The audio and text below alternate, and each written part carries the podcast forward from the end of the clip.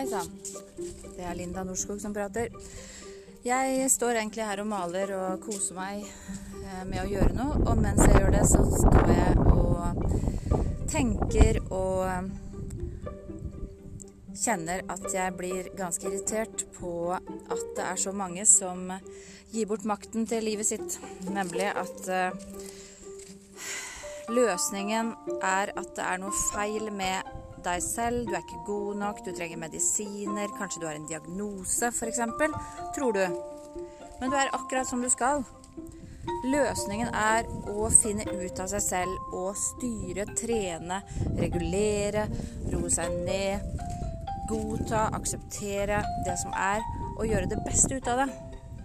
Dette kan vi egentlig, og så kan vi det samtidig absolutt ikke, for vi blir forvirra og vi blir utsatt for feillæring i skolesystemet, i samfunnet, av foreldrene våre.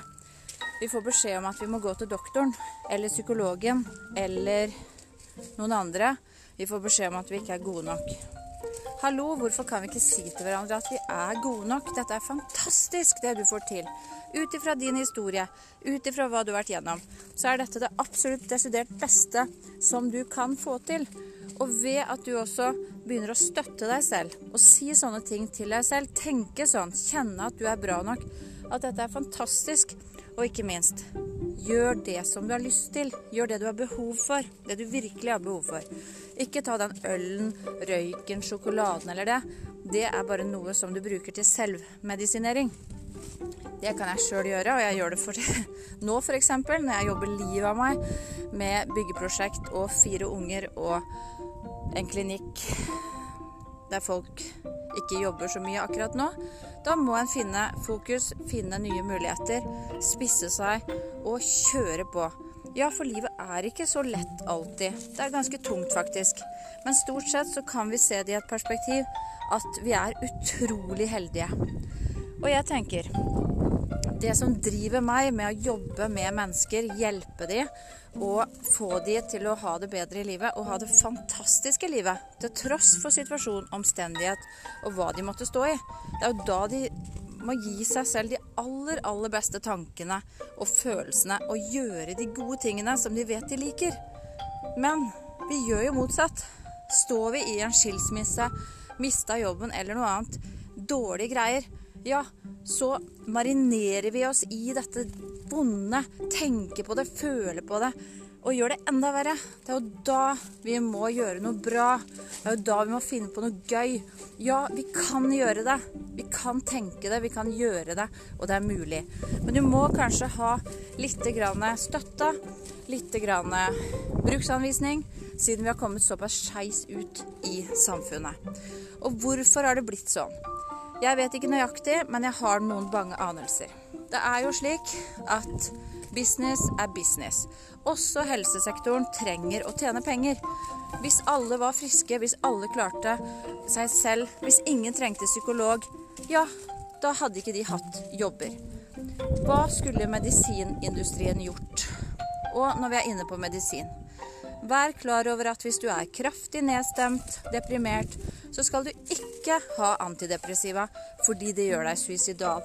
Dette står på pakningene, dette skal fagfolkene vite, men de feiler. En annen ting er hva er det som er med psykiatrien at de skal dope ned pasientene? Ok, det er feil at de gjør det i starten, men det er også feil at de gjør det etter fem år med samme pasient.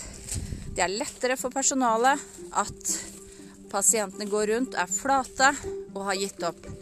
Men det er vel ikke for personalet vi har psykiatri. Det er for pasientene. Vi skal hjelpe dem, vi skal gi dem verktøy til å bli friske. Så vi må riste av oss dette gamle, skakkjørte, fullstendig håpløse ved å gjøre folk handikappet.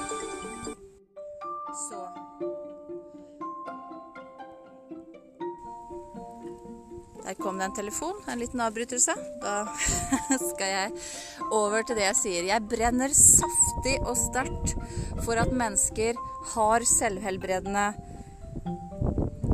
egenskaper, store ressurser i seg sjøl, hvis de setter stikkontakten i støpselet i seg selv. Har kontakt med seg selv, ja, da blir det faktisk veldig, veldig godt å leve. Det er en fantastisk følelse uansett om omstendighetene er veldig bra, eller om det er dårligere. Vi er levende mennesker. Vi skal føle følelser, kjenne at vi lever. Og noen ganger går det bra, andre ganger går det dårlig. Men etter en dårlig periode så kan vi sette så utrolig stor pris på at det går veldig bra.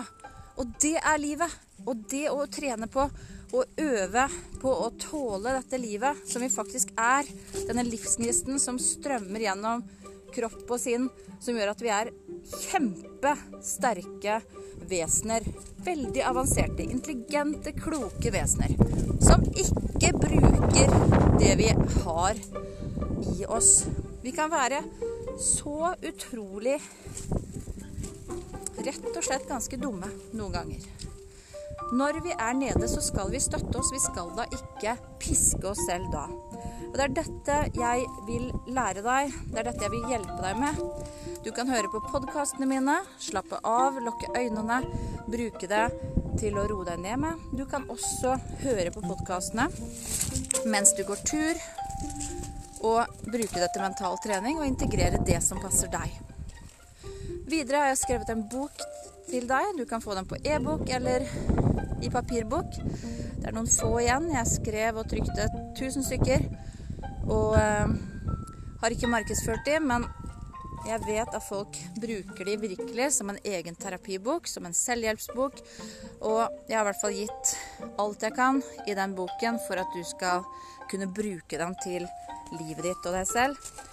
Og jeg driver nå og forbereder at jeg skal lansere Mentora-programmet, som virkelig er et veldig bra læreprogram som du kan bruke i livet ditt i nye perspektiver hele tiden. Du kan bruke det om og om igjen. Og Mestre eget liv er et kurs, en god, sterk essens av hva som lønner seg, hva som virker, og som vil inspirere deg. Så her, gå inn på mentora.no, www.mentora.no. Kikk på det, unn deg det, Gjør det, lev det, nyt det. Du har alt, bare nyt det. Dette var en bitte liten snutt på nesten åtte minutter fra Florvågen 164 med vind og en nabo som bråker, og jeg som maler. Og jeg håper at du får en fantastisk dag, og at eh, det kan gnistre litt opp i deg i forhold til hva du vil og hvem du er, og at du faktisk skal lykkes med å ha det fint og godt i livet ditt. Ha det fint. Love you.